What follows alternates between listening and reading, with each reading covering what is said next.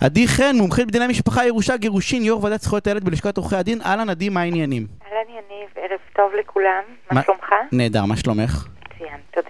יופי. את סיפרת לי שיש איזה מונח חדש, אה, כן. שלא הכ- שלא הכרתי, שנקרא ההורז ההורה המרכז. נכון. מה מה זה ההורה המרכז? אוקיי, זה אכן מונח חדש שיש לנו אותו אה, עכשיו, ובתי המשפט עושים בו יותר ויותר שימוש. הדבר הגיע אלינו אחרי פסק הדין של בית המשפט העליון שטרף את כל הקלפים ושינה את מפת דיני המזונות. אה, היום אנחנו יודעים שכשיש לנו משמורת משותפת, זמני שהוא לא משמורת, זמני שהות פחות או יותר דומים, ושכר של ההורה, של ההורים פחות או יותר דומה, אז אין לנו מזונות, נכון?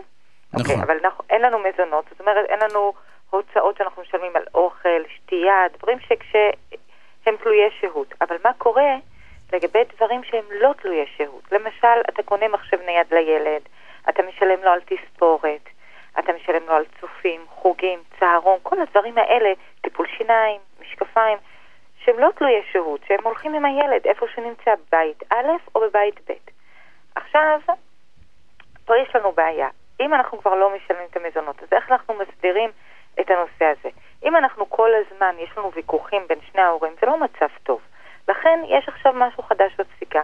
להעביר את הסכומים האלה ישר להורה מרכז. מי הוא ההורה המרכז? לרוב זה אותו הורה שנהג לטפל באותם דברים לפני הגירושין. באיזשהו מקום, האמת, אני מסתכלת על זה שכאילו הנטל ממשיך ליפול עליו, זה לא הכי טוב, אבל זה כנראה... מה שאני אומר, זה כאילו פרס, כי אותו, אני עוד לא בטוח אם זה פרס או לא פרס, תכף נדבר על זה, אוקיי.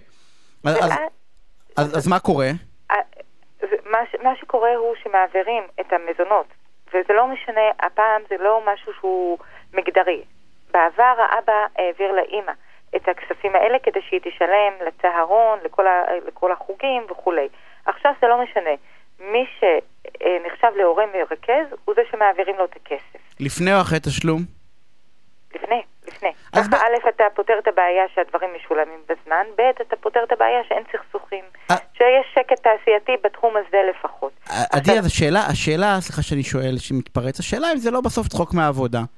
אם לא, בעצם זה כאילו לא אומרים מזונות, אבל אומרים מזונות. לא, זה לא מזונות. אבל, אבל זה כמו, זה, זה, זה, לא, זה לא מזונות, אבל זה הולך כמו מזונות וזה נשמע כמו מזונות, וזה תראה. מזונות בסוף. אם אתה משלם למורה הפרטית, אם אתה מתעקש, אני אשלם את החצי שלי ואת תשלמי את החצי שלך, זה, זה, זה ממש לא טוב, זה גם איכשהו מכביד על הילד, הילד בסופו של דבר ידע מזה, כן? צריך באמת לפתור את הבעיות האלה.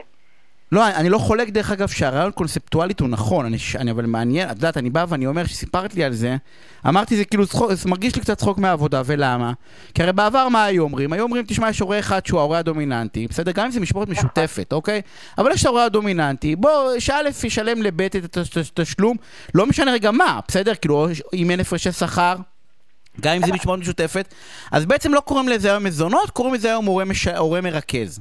למה, יניב, בעבר, מה שאני ביקשתי, אה, תשלום החלק שלך, או חלק של מי שחייב בתשלום הזה, הוא כנגד קבלה. זאת אומרת, תוציאי, ואז תביאי לקבלה, ואני אחזיר לך את הכסף.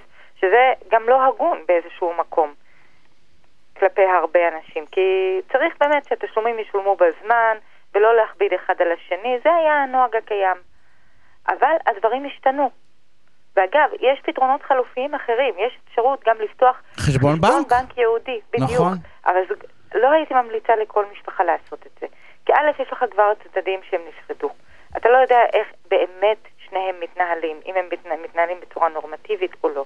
צריך, מי, ש, מי שחושב ללכת אה, על האופציה הזו, אז א', הוא צריך אה, לערוך הסכם מיוחד ומפורש, שמדובר רק בשותפות לצרכים האלה, גם כלפי הבנק, תנאים לחשבון, לא למשוך מעל איקס שקלים, לא למשוך אה, באופן חד צדדי, כל מיני תנאים. המונח, המונח הורה מרכז מופיע בפסיקה? כן, בהחלט, הוא, הוא מופיע ב-919 על 15, ההלכה ששינתה את כל נושא המזונות, שקבעה שמגיל 6 ומעלה, המזונות חלים מכוח דיני הצדקה על שני ההורים, כאשר אתה בוחן את ההכנסות מכל, ה, אה, מכל המקורות, זאת אומרת גם הכנסות פסיביות, גם פוטנציאל העבודה, ואז אתה בודק מה כל, אה, אה, כמה כל הורה מרוויח מכל ההכנסות האלה, אוקיי? גם מנכסים, שוב, מפוטנציאל, זאת אומרת, אם הוא יושב בחיבוק ידיים ויש לו יכולת לקום ולעבוד, שיקום ויעבוד. מחייבים אותו, בדיוק, מחייבים אותו לפי, לפי הפוטנציאל, ואז בודקים, אחרי ניכוי ההוצאות השגרתיות, כן, אה, כמה נשאר הכנסה פנויה. ואז לפי ההכנסה הפנויה, זאת אומרת, אם אז, יש... אז, אז, תראה, אז בעצם אני מבין נכון, בסדר? נניח כן. אם יש משמורת משותפת, הורים מרוויחים אותו דבר, עדיין יהיה- ב- ממנים מישהו שאחראי על הכסף, ועדיין צד א' מעביר צד ב' כסף. נכון. זה בכל מקרה. ואם זה לצורך העניין... לרוב, לרוב, לא בכל התיקים, אבל זה מונח לא, חדש שעכשיו אנחנו יותר ויותר עושים. משתמשים בו, לא, אני בא ואומר, הוא כן. אך הגיוני, בסדר? אני רק, אני רק, מה, מה זה, נראה לי שאיכשהו עשו כאילו שוויון בין הצדדים. ואז הבינו שהשוויון הזה הוא נהדר, רק הוא גורם, בר- ברמה הפרוצדורלית, הוא גורם למצב בלתי אפשרי. שבעצם, כמו שאמרת, יש מורה פרטי שצריך לשלם לו עכשיו 100 שקלים או 70 שקלים, אז האבא או אמא אומרים, רגע, תלך אה, לצד השני, תיקח 35 שקלים. אנחנו מונעים את המצב הזה. מראש יש לנו הפקדה. ואם לא מסכימים. דרך אגב, אם לא מסכימים זה בהסכם, זה לא משנה, זה לא פותר אם את לא הבעיה. מסכימים, אז בית משפט בוחן את, ה, ד- את המקרה לפי טובת הילדים, אגב- לפי התנהלות הצדדים, לפי כישורי ההורים. דר, דרך אגב, כן. אפרופו אם אני חושב על זה, אני לא בטוח כבר שלא שווה להס, להס, להסכים על מזונות וזהו. גם אם יש אותו דבר ומשלמים את הכל, כי אני בא ואומר, אני יודע שאני משלם סכום, בסדר? שאמור להספיק לרוב הדברים, אוקיי? לא משנה רגע למה. ואני לא מתעסק בזה יותר, בכל חודש תעביר לי 100, תעביר לי 300, תעביר לי 400, תעביר לי 500, ואני יודע שהילד שלי מקבל הכל. אתה מתכוון לסכום פיקס? כן, יכול להיות שגם אם, גם אם כאילו המשמורת משותפת וגם אם יש שוויון שלם, בסוף זה נראה, מר- מרגיש לי אותו דבר. מרגיש לי שבסוף צד א' מעביר את צד ב', אז אני בא ואומר, השאלה אם לא, במקום כל אבל- החיכוכים האלה, אני אגיד לך מאיפה, מאיפה הקושי שלי בחשיבה שלך. כי יש אה, צרכים שהם הכרחיים. אוכל, שתייה זה דבר הכרחי. תרופות זה דבר הכרחי, אוקיי?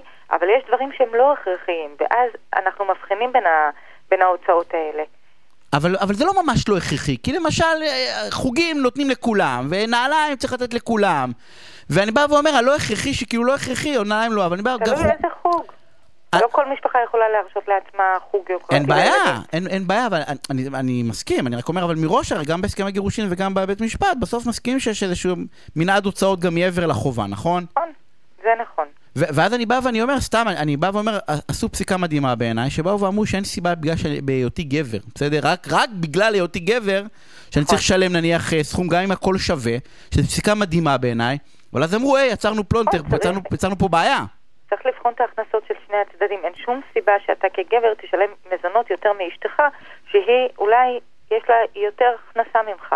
כן, בודקים את זה לגופו של אדם, לא לגופו של מגדר. נכון. שזה דבר מדהים, אבל אז אמרו, יש פה איזשהו קושי ברמה התפעולית של הדבר הזה, כי, אה, כי, כי בעצם בסוף מישהו צריך להיות אחראי, צריך להיות מבוגר אחראי, שייקח את הכסף ו- ויקנה מה שצריך לקנות. ויש עוד עניין.